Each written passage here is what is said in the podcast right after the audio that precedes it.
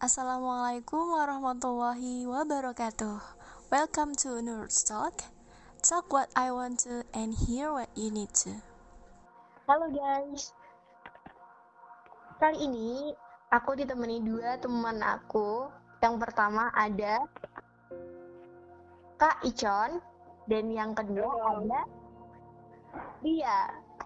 Hai. Oke, gimana nih kabar kalian? Kak Icon gimana kabarnya, Kak? Puji Tuhan baik, sehat, masih hidup. iya, iya lah, Kak. Oke, kalau Ria gimana? Alhamdulillah sehat, meskipun keadaannya seperti ini harus selalu sehat dong. Iya, bener banget ya. Jadi kita emang harus tetap pintar menjaga diri di keadaan yang serba kurang mengenakan ini. Iya, bener banget. April, April sehat tidak? Alhamdulillah sehat kak. Jadi mereka berdua adalah uh, mahasiswa jurusan pendidikan matematika. Keren kan mereka? Tepuk tangan dulu dong buat kalian berdua. Oh, iya. Udah tepuk tangan sendiri-sendiri nih. nah, uh, kalau boleh tahu alasannya kalian suka matematika tuh apa sih? Mulai dari Ria. Kalau aku pribadi suka matematika tuh sebenarnya dari awal sih dari kecil tuh sebenarnya nggak suka matematika. Karena menurutku matematika tuh ribet matematika banyak rumus bikin pusing. Cuma awalnya aku suka matematika itu yang pertama dari guru. Mulai dari guru yang mengajar aku matematika dia mulai ngajarin aku matematika tuh nggak seribet yang aku bayangkan. Nah mulai dari uh, menghafal rumus itu tidak harus dengan cara dihafal rumusnya tapi uh, mulai dipahami jadi mulai ke sini ke sini tuh ya matematika tuh mengasihkan saja. Tidak se, intinya tidak seribet yang aku bayangin dulu. Jadi aku suka sama matematika karena keren kalau bisa memecahkan soal yang ada di matematika. Jadi kayak ada tantangan tersendiri gitu ya dalam menyelesaikan ya. soal. Iya benar banget. Ada kepuasan kalau bisa ngerjain soal itu dan jawaban itu benar gitu. Oke kalau kak Ican gimana nih kak Uh, kalau saya sih sedikit mirip sama Ria ya, cuma uh, alasan utama saya untuk suka matematika itu karena saya tidak suka banyak menghafal. Contohnya mata pelajaran-mata pelajaran lain seperti uh, biologi, sosiologi, dan lain-lain yang lebih banyak cenderung menghafal dibandingkan berhitung, saya tidak suka. Mm -hmm. Makanya ya mata pelajaran seperti matematika, fisika, kimia dan ekonomi yang cenderung lebih banyak berhitung saya suka sekali karena pada dasarnya memang saya uh, susah menghafal tapi analisis saya bagus. Kalau teorinya sepertinya asing gitu. Nah, bagaimana nasibnya dengan orang-orang yang pas-pasan seperti saya gitu kan? Oke, nah sekarang um, pertanyaan selanjutnya nih kan kuliah di jurusan pendidikan matematika ya. Apakah anggapan kalian terhadap matematika tuh berubah nggak sih dari dari kalian SD sampai sekarang gitu? Sempat berubah nggak dari suka menjadi suka ataukah seba, uh, dari tidak suka menjadi suka kah atau sebaliknya gitu? Mulai dari siapa nih? Dari ya dari Kak dulu deh. Oke. Okay. Uh, eh, kalau saya sih bukan dari tidak suka menjadi suka atau suka menjadi tidak suka, tapi dari biasa aja menjadi suka. Hmm, gitu. Gitu ya. Jadi waktu dari SD itu, pokoknya dari TK lah, dari TK SD itu ya biasa aja gitu. Maksudnya matematika itu salah satu pelajaran yang harus dipelajari. Jadi tidak bisa dibilang suka, tidak bisa dibilang tidak suka juga. Karena ya secara waktu SD itu mata uh, matematika itu belum terlalu sulit lah. Mm -mm ya kan? Sehingga belum bisa menimbulkan rasa tidak suka. Iya nah, benar. Nah ketika sudah beranjak ke SMP mm -hmm. uh, mulai ya mulai ada sesuatu yang rumit tapi masih bisa disolusi uh, mencari solusinya kemudian dikenalkanlah sama ada satu guru. Saya masih ingat namanya Ibu Samsiar.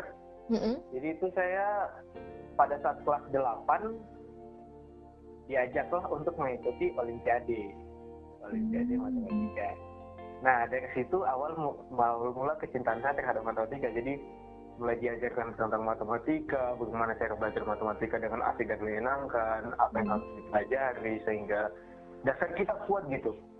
Bertahap juga ya, mulai dari yang biasa ke suka sampai akhirnya suka sekali gitu ya. Iya. Kalau Ria gimana nih? Menurutku di Jawa dulu tuh apa ya karena aku juga baru pindahan dari uh, Manokwari gitu. Terus Hmm. sekolah di sekolah di Jawa. Jadi tuh kayak menurutku matematika tuh susah karena mungkin mungkin tuh eh, dari kecil juga aku kurang dikenalkan ini mungkin sama matematika. Jadi kayak menurutku tuh matematika tuh bukan sesuatu yang eh, menyenangkan untuk dipelajari awalnya Hmm. Kemudian eh, di sekitar SD kelas 6 ketika mau ujian nasional kebetulan banyak tuh ikut les teman-temanku tuh yang dianggap anak-anak les itu rata-rata anak-anak yang jago matematika. Nah dari situ tuh dari situ tuh kayak aku mikir kenapa eh, anak dibilang pintar tuh selalu yang seolah-olah tuh nilainya matematika tinggi berarti dia dibilang anak pintar gitu. Hmm. maksudnya kan pelajaran di SD itu kan bukan hanya matematika saja. Bener banget nggak cuma matematika. iya. Jadi kenapa setiap siswa yang nilai matematikanya tinggi itu selalu dianggap anak itu pintar? Nah dari situ tuh mulai saya oh berarti kalau misalnya saya juga bisa mendapatkan nilai matematika eh, apa namanya tinggi berarti saya juga bisa intinya bisa disebut bisa lah tidak pintar maksudnya bisa lah dalam kelas tersebut gitu. Nah, mulai sedikit mulai tertantang tapi belum yang banget tuh. Itu di Hmm. kelas 6. Itu sudah mulai masuk ke SMP. Eh, SMP pun gitu. Itu semakin apa ya? Semakin ini tertantang gemar-gemarnya belajar matematika tuh gara-gara itu tadi. Memang eh, sejarah ataupun materi-materi yang lain yang menghafal saya kurang suka. Makanya jurusan matematika tuh ya jadi pilihan salah satunya yang kayak menurut saya daripada jurusan lain kayaknya matematika tuh yang eh, lebih srek jadi masuk jurusan matematika tuh bukan sebenarnya bukan 100% kayak eh, kayak kesukaan bener-bener kesukaan gitu enggak. Tapi kayak pikiran satu-satunya daripada ambil jurusan lain mending matematika gitu. Ya mungkin dari prosesnya kuliah terus ke sini ke sini ke sini jadi kayak oh memang kayak kayaknya Allah takdirkan aku di matematika nih insya Allah jadinya kayak ya kayak jadi sekarang udah nyaman aja sama matematika semoga aja memang jodohnya di matematika ya Sempat saya agak nggak suka gitu sama matematika. Hmm. Karena gurunya itu banyak mencatat. Dan saya orang yang tidak suka mencatat. Nah, dan yang dari, dari hal itu kayak sudah banyak mencatat, tulisannya jelek pula. Materinya jadi kayak susah susah saya tangkap, ngajarnya kurang kurang enak. Akhirnya kayak bodoh amat lah gitu. Bodoh amat dengan matematika, akhirnya matematika saya tidak terlalu bagus di kelas 7. Nah, pada saat kelas 8 itu yang kayak mulai jatuh cinta. Sampai udah bilang jodoh, jatuh cinta ya. Padahal ini kita ngomongin benda nih, jadi baper. itu lagi ngomongin benda tapi jadi jatuh cintanya ke suatu pelajaran deh Iya, jadi oh ya tadi kan Ria sempat singgung ya eh, soal anggapan guru dan orang-orang umum lah kalau anak yang pintar itu biasanya matematika bagus itu pasti dia pintar. Kalian setuju nggak sih dengan statement ini? Kalau menurut saya ya, bakat orang itu beda-beda.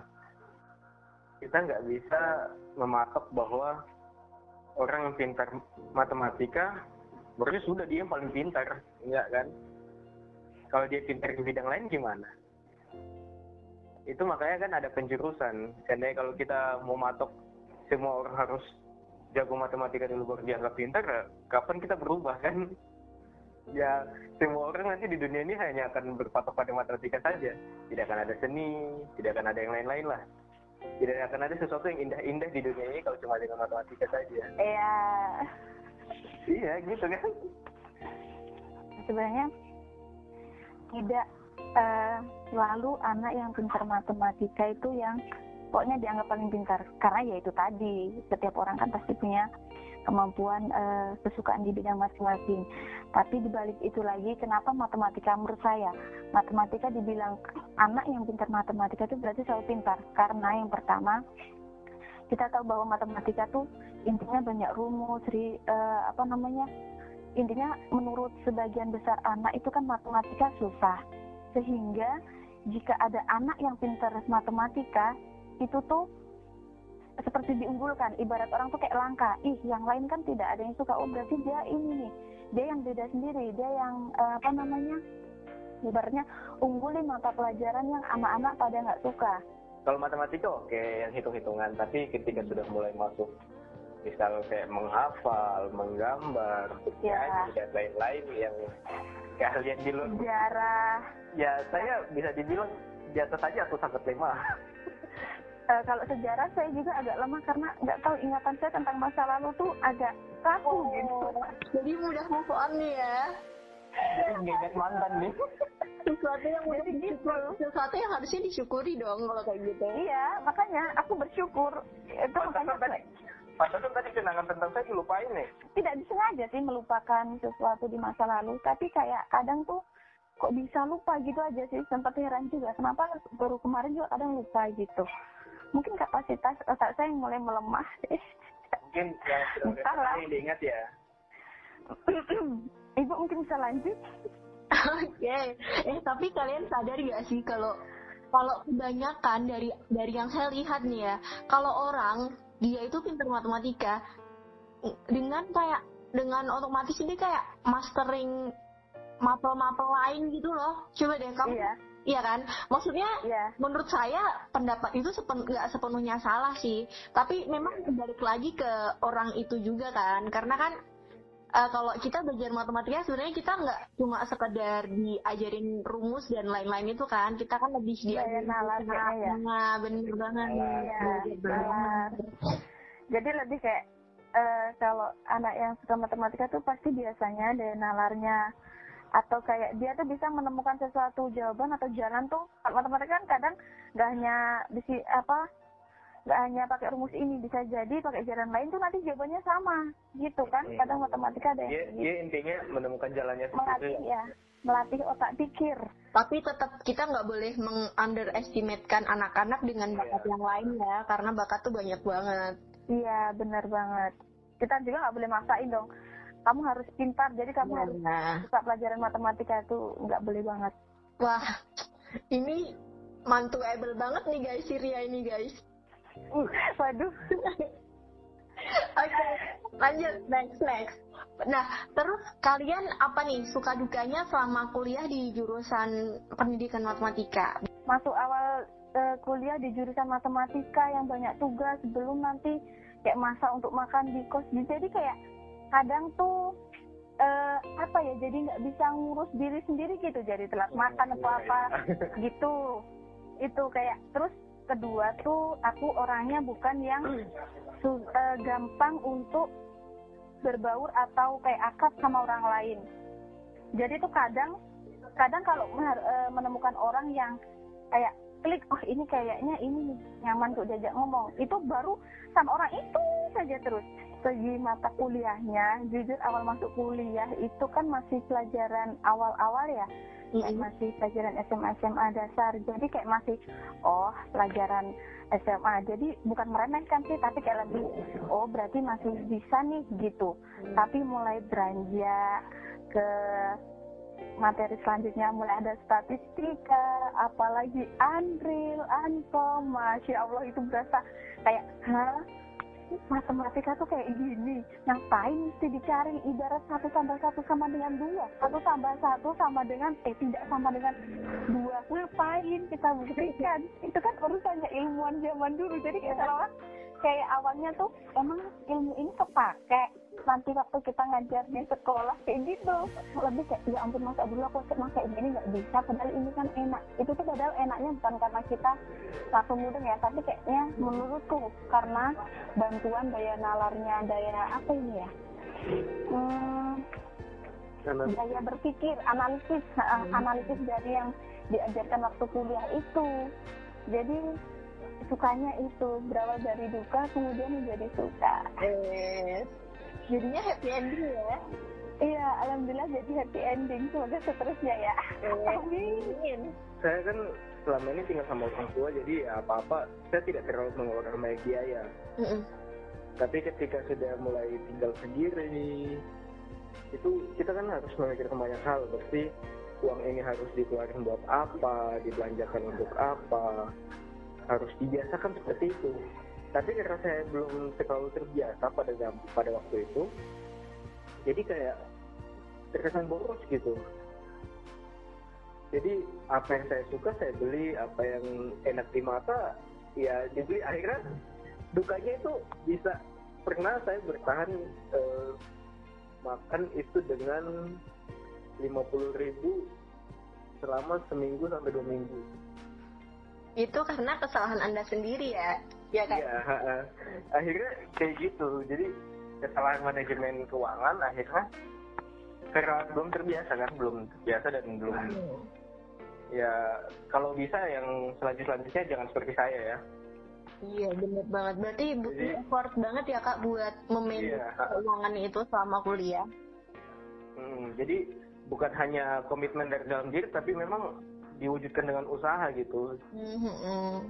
Jadi kadang-kadang kita sudah bilang, oh iya saya harus hemat, ini saya harus ini segini segini segini, ini harus di ini segini. Tapi tiba-tiba ada biaya tidak terduga yang saya yang membuat kita kayak ini uang ke mana ya? Kok jadi hilang? aku kira perempuan saja ya yang mikir seperti itu biasanya kan laki-laki kayak kayak orangnya kan acuh tak acuh gitu biasanya banyak mikir kayak untuk ah ini mau ke mana kayaknya menurutku perempuan ternyata laki-laki juga berpikir seperti demikian lupa Iya, maksudnya apalagi ketika sudah mulai ini kan, udah mulai eh, maksudnya belum waktunya untuk pengiriman uang, tapi uang udah meti gitu. Jadi mulai ini kok uang ke mana? Mulai bongkar cucian. Mulai bongkar ngapain cucian. pak Berharap ada uang selip di situ. jadi Saya awalnya kan kiranya ketika masuk jurusan pendidikan matematika, berarti kita dari awal sampai akhir belajar matematika. Tapi ternyata ketika masuk di semester 1 2 ada mata kuliah umum seperti kimia, biologi, fisika dan hal-hal yang sebenarnya saya mau tinggalkan di SMA. ternyata didapatkan di kuliah Nah, mindset saya yang terbentuk, ah sudahlah, nilai saya di semester 1 2 tidak apa-apa jelek. Nanti di- semakin ke atas akan saya perbaiki tuh. Kan semakin ke atas matematika saja, jadi ya harusnya lebih mudah. Nah, ini, ini jadi racun. jadinya Tapi ya, eh, puji Tuhan, segalanya kan bisa dipelajari. Jadi tidak sulit-sulit amat ya, walaupun memang ada beberapa, beberapa mata kuliah yang memang tidak bisa masuk otak saya sih. Oh iya, apa tuh kak? Contohnya- anda kumlot ya pak Eh, tidak. Contohnya seperti Tatmat, Tatmat satu. As we know, matematika itu queen of science. Ya, bener banget tuh. Ya, benar kan? Ya. Nah, queen of science itu berarti eh, matematika itu sangat dibutuhkan oleh banyak mata pelajaran atau mata kuliah lain. Mhm. Sega, hampir semua mata mata pelajaran atau mata kuliah ataupun di jurusan mana pun pasti ada matematikanya. Entah mau matematika dasar atau kalkulus minimal. Ada hubungan baik juga dengan orang dan juga bisa jadi ada hubungan asmara juga. Jadi kesannya kayak Oh gitu. iya, Jangan-jangan tujuan utamanya itu kak? waduh tidak juga. Hanya saja kebetulan dapat. Oh kebetulan, baiklah. Kebetulan yang berulang maksudnya ya Iya. Tapi gimana ya? Ketika kita hebat dalam matematika, hebat dalam ya hebat dalam khususnya mata mata kuliah mata kuliah matematika, Mhm. banyak yang membutuhkan kita gitu, Mhm. membutuhkan kita sehingga eh, itu bisa jadi bahan untuk eh, memperluas pertemanan, hubungan, komunikasi dan juga yang lain-lain. Sehingga pada akhirnya saya eh, ini suka paling menyenang eh, apa dibilang paling sesuatu yang paling menyenangkan lah di hidup saya itu Mm-hmm. karena menguasai matematika ini jadi banyak les privat Mm-mm. banyak panggilan les privat akhirnya ya dari situ bisa meraup meraup uang lah. Tidak mendapatkan uang jajan dari orang tua saya bisa mem- memanajemen uang saya sendiri biaya SPP saya saya bayar sendiri. Ya walaupun dari beasiswa bidik misi sih bantuan bidik misi jadi kayak merasa wah ini suatu kebanggaan sekali. Saya sudah tidak bergantung sama orang tua saya. Saya sudah meringankan beban orang tua saya gitu. Setidaknya saya bukan beban bukan Ih, beban lagi. Keren keren cita-cita kalian pas kecil tuh apa Eh, pramugari. pramugari oke kak apa, Kak? pilot pilot Waduh. nih Serius, pengen Seriusan? pengen pramugari cuma eh, kebetulan mata min jadi kayak meruntuhkan cita-citaku. oh, Udah gitu aja. kalau kak Mm-mm. beneran pilot pilot cuma berubah-ubah gitu nggak konsisten oh iya iya sekarang pun masih begitu ya ah, enggak sih Oh enggak. Oke, tapi sekarang kan realnya guru nggak sih? Kak Ichan sama Ria nih? Ya, alhamdulillah. Guru ya, guru matematika berarti nih. Iya Pas jadi siswa dan kalian belajar matematika, kalian tentu kayak punya citra atau harapan gitu nggak sih buat guru matematika? Ah, aku maunya guru matematika harusnya gini gini gini doang biar aku juga semangat gitu. Nah, terus sekarang kalian udah jadi guru nih. Kira-kira kalian berusaha mewujudkan kriteria-kriteria yang kalian mau pas kalian jadi siswa atau gimana? jelas dong Kalau aku iya, tapi menurutku belum sesuai karena dulu yang aku bayangin ah, guru tuh harus kayak gini gini gini misalnya gitu. Pas kita jadi guru tidak sesuai dengan keadaan ibarat keadaan di lapangan. Setiap siswa tuh beda-beda karakteristik, ya. Jadi seolah-olah kalau aku menginginkan guru tuh seperti ini, kalau aku lakukan itu ke siswaku, Hmm? nampaknya kurang ini, kurang tepat. Jadi eh, aku mau melakukan apa yang aku inginkan dulu ketika jadi siswa, Hmm? kalau aku pribadi sekarang di lapanganku tidak tepat gitu. Hmm. Jadi ya semaksimal mungkin sekarang lebih kayak eh, gimana membaca karakteristik siswa yang berbeda-beda. Intinya tidak memilih salah satu karakteristik siswa, tapi diambil tengahnya gitu aja. kalau saya sih waktu jadi siswa ya Hmm? itu pengennya jadi gu- eh, punya guru yang asik gitu menyenangkan dan menjelaskan dengan cara yang mudah dan simpel. Hmm. nggak usah muluk-muluk nah itu yang berusaha saya terapkan di sekolah. Dan ya puji Tuhan lumayan mulus. Ya walaupun tidak seperti ini ya.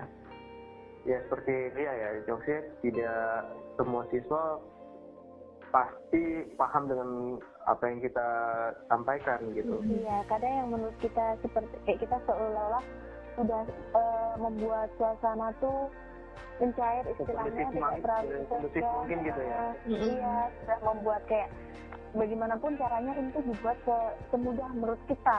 Tapi kan menurut kita belum tentu mudah eh, di mata siswa. Iya, apalagi kan ya kita tidak tahu kemampuan siswa itu sendiri. Bisa jadi dia memang benar-benar tidak ada minat di matematika. Jadi menurut kita semudah apa pun itu, ya menurut dia ya tetap kayak Nah, gitu. sah gitu. Mm-mm. Nah akhirnya eh, saya berusaha bagaimana supaya simpel sesimpel mungkin. Tidak usah. Yang penting kamu bisa begini, begini, begini. Itu bisa mendapatkan hasil yang sama. Mm-mm. Kamu bisa pakai jalanmu asalkan sesuai gini. Jadi tidak bisa, tidak perlu menuntut siswa untuk sesuai dengan apa yang harus di textbook ya. Iya bener banget. Jadi emang ini ya kak ya dan Ria pas jadi guru matematika itu baiknya memang menyesuaikan dengan kondisi siswa itu poin pertama. Kemudian jangan terlalu memberikan mereka banyak rumus atau aturan yang kayak memang ya pokoknya caranya harus kayak gini gitu ya biar mereka juga timbul tertarik. Eksplorasi gitu. Ya. Nah gitulah. Jadi seperti itu ya. Coba guru guruku waktu itu kayak gitu. Mungkin aku juga suka matematika sekali ya. Wow. Sayangnya gitu. Ya tau lah ya guru-guru zaman dulu kita nengok sedikit aja langsung ada penghapus melayang gitu. Nah, zaman sekarang udah nggak ada kayak gitu tuh. Yang ada kita dilaporin. Pengalaman atau hal berkesan apa sih yang paling kalian ingat gitu selama jadi guru? saat kita bilang kayak gitu oh begitu ya jalannya begitu ya caranya atau asik nih saya dapat hasilnya gitu oke ternyata saya ada maknanya ada manfaatnya saya jadi guru gitu akhirnya ada yang bertambah ilmunya Wow, bahagianya Kak Icon sesederhana itu ya. iya Kalau Ria gimana nih? Jadi eh, jadi guru juga kan belum belum lama nih. Ya masih dibilang menurut saya sih masih baru lah. Jadi pertama kali menurutku hal yang paling berkesan jadi guru itu yang pertama kali ketika kita tuh dipanggil bu guru. Entah itu di sekolah, di jalan, di tempat-tempat eh, umum intinya. Mereka bisa mengucap kata gitu aja tuh kayak oh alhamdulillah. Jadi meskipun tidak semuanya merasa aku tuh mengasihkan tapi ada sebagian siswa tuh yang menganggap bahwa mereka tuh senang Senang adanya guru seperti saya gitu. Jadi iya senang jadi kayak senang aja kalau ada sesuatu yang eh, berkomentar positif terhadap apa yang sedang kita lakukan gitu. Ya saya, saya juga setuju sama Ria. Mm-mm. maksudnya eh, memang agak gimana ya agak tidak enak kalau misalkan kita dibandingkan sama orang lain ya. Maksudnya Iya. tidak enak hati gitu. Iya benar. Oh, ibu ibu lebih baik daripada guru ini atau bapak lebih baik daripada guru ini. Ya mungkin kita tidak enak hati kepada orang wih saya dibandingkan sama orang ini. Takutnya nanti kayak mereka tidak senang sama guru lain gitu. Iya. Tapi dalam hati senang juga. Ada kepuasan kan? Iya. Ada kayak kebahagiaan sendiri gitu saya Bukan beda gitu gitu. aja. saya saya membuat mereka bisa lebih memahami dibandingkan guru lain. Jadi Iya, ada bukan nilai plus gitu di dalam diri saya gitu. Iya. Jadi kayak bukan berarti kita juga terus memojokkan mereka Ah, emang bu guru itu ngajarnya ba- bagaimana Ah, ah. Nggak gini ya nggak gitu bukan Iya, begitu benar. tapi kayak kita lebih eh, kadang tuh lebih eh, ini sih nasihatin cara guru mengajar tuh beda-beda kak atau bagaimana gitu intinya ah, kayak iya yang jangan sampai juga diarahkan dia- ke jadi- jalan yang benar lah Iya, Hmm, benar. jangan sampai terus dia kayak kayak memblok nih. Nah, guruku yang ini, yang itu enggak itu. Nah, jangan sampai. Tapi kita juga tetap harus ini kasih tahu yang baik-baik juga. Ya, aku juga bakalan ini sih bakalan betah banget belajar matematika kalau guru-gurunya kayak kalian-kalian gini.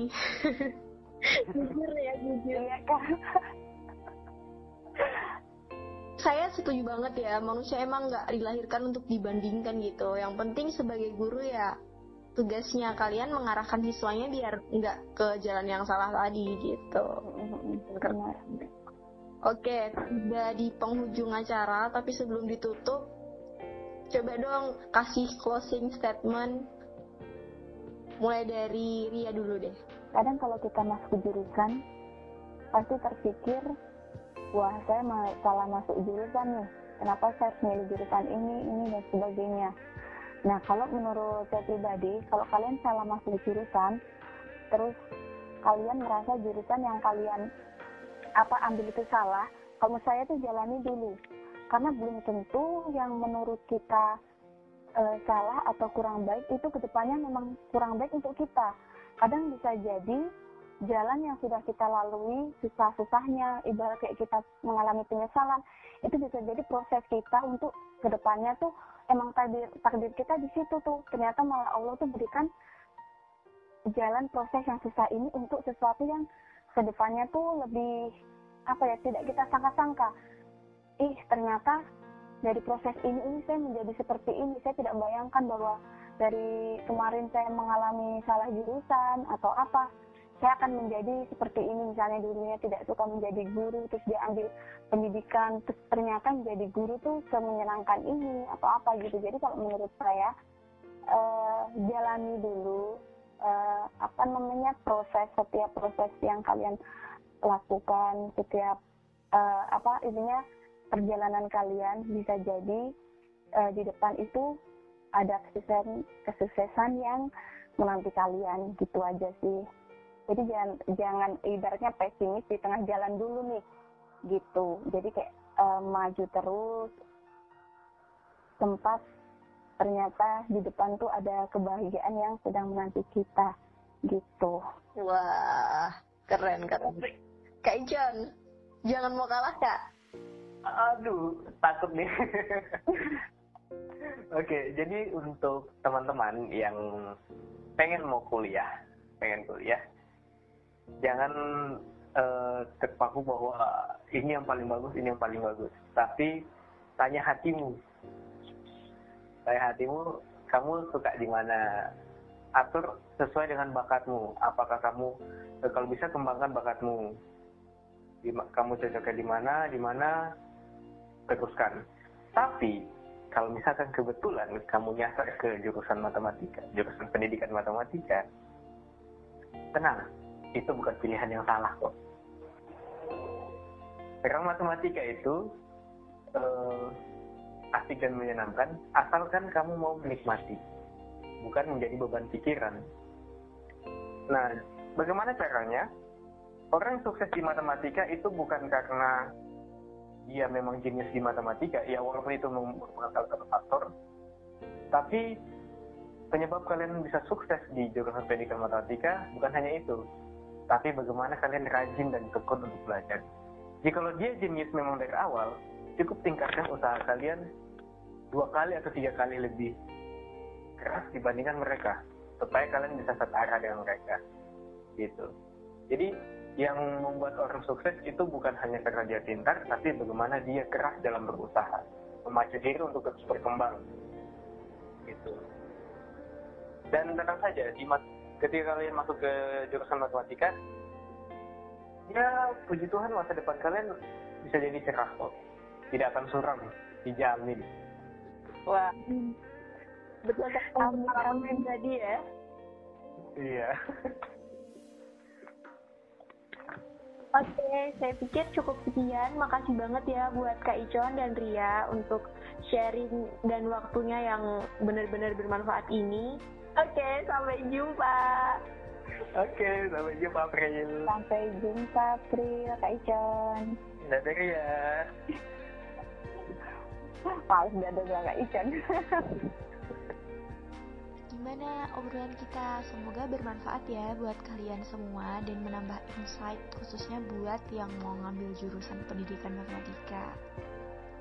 Terkait bintang tamu aku tadi tuh, si Ria, jadi dia itu selesai S1 langsung ngambil program profesi guru namanya PPG, kemudian dia dapat gelar lagi, gelar tambahan GR. Nah setelah dia selesai, dia langsung ikut tes CPNS dan anak ini tuh emang beruntung banget cuy. Tembus dia.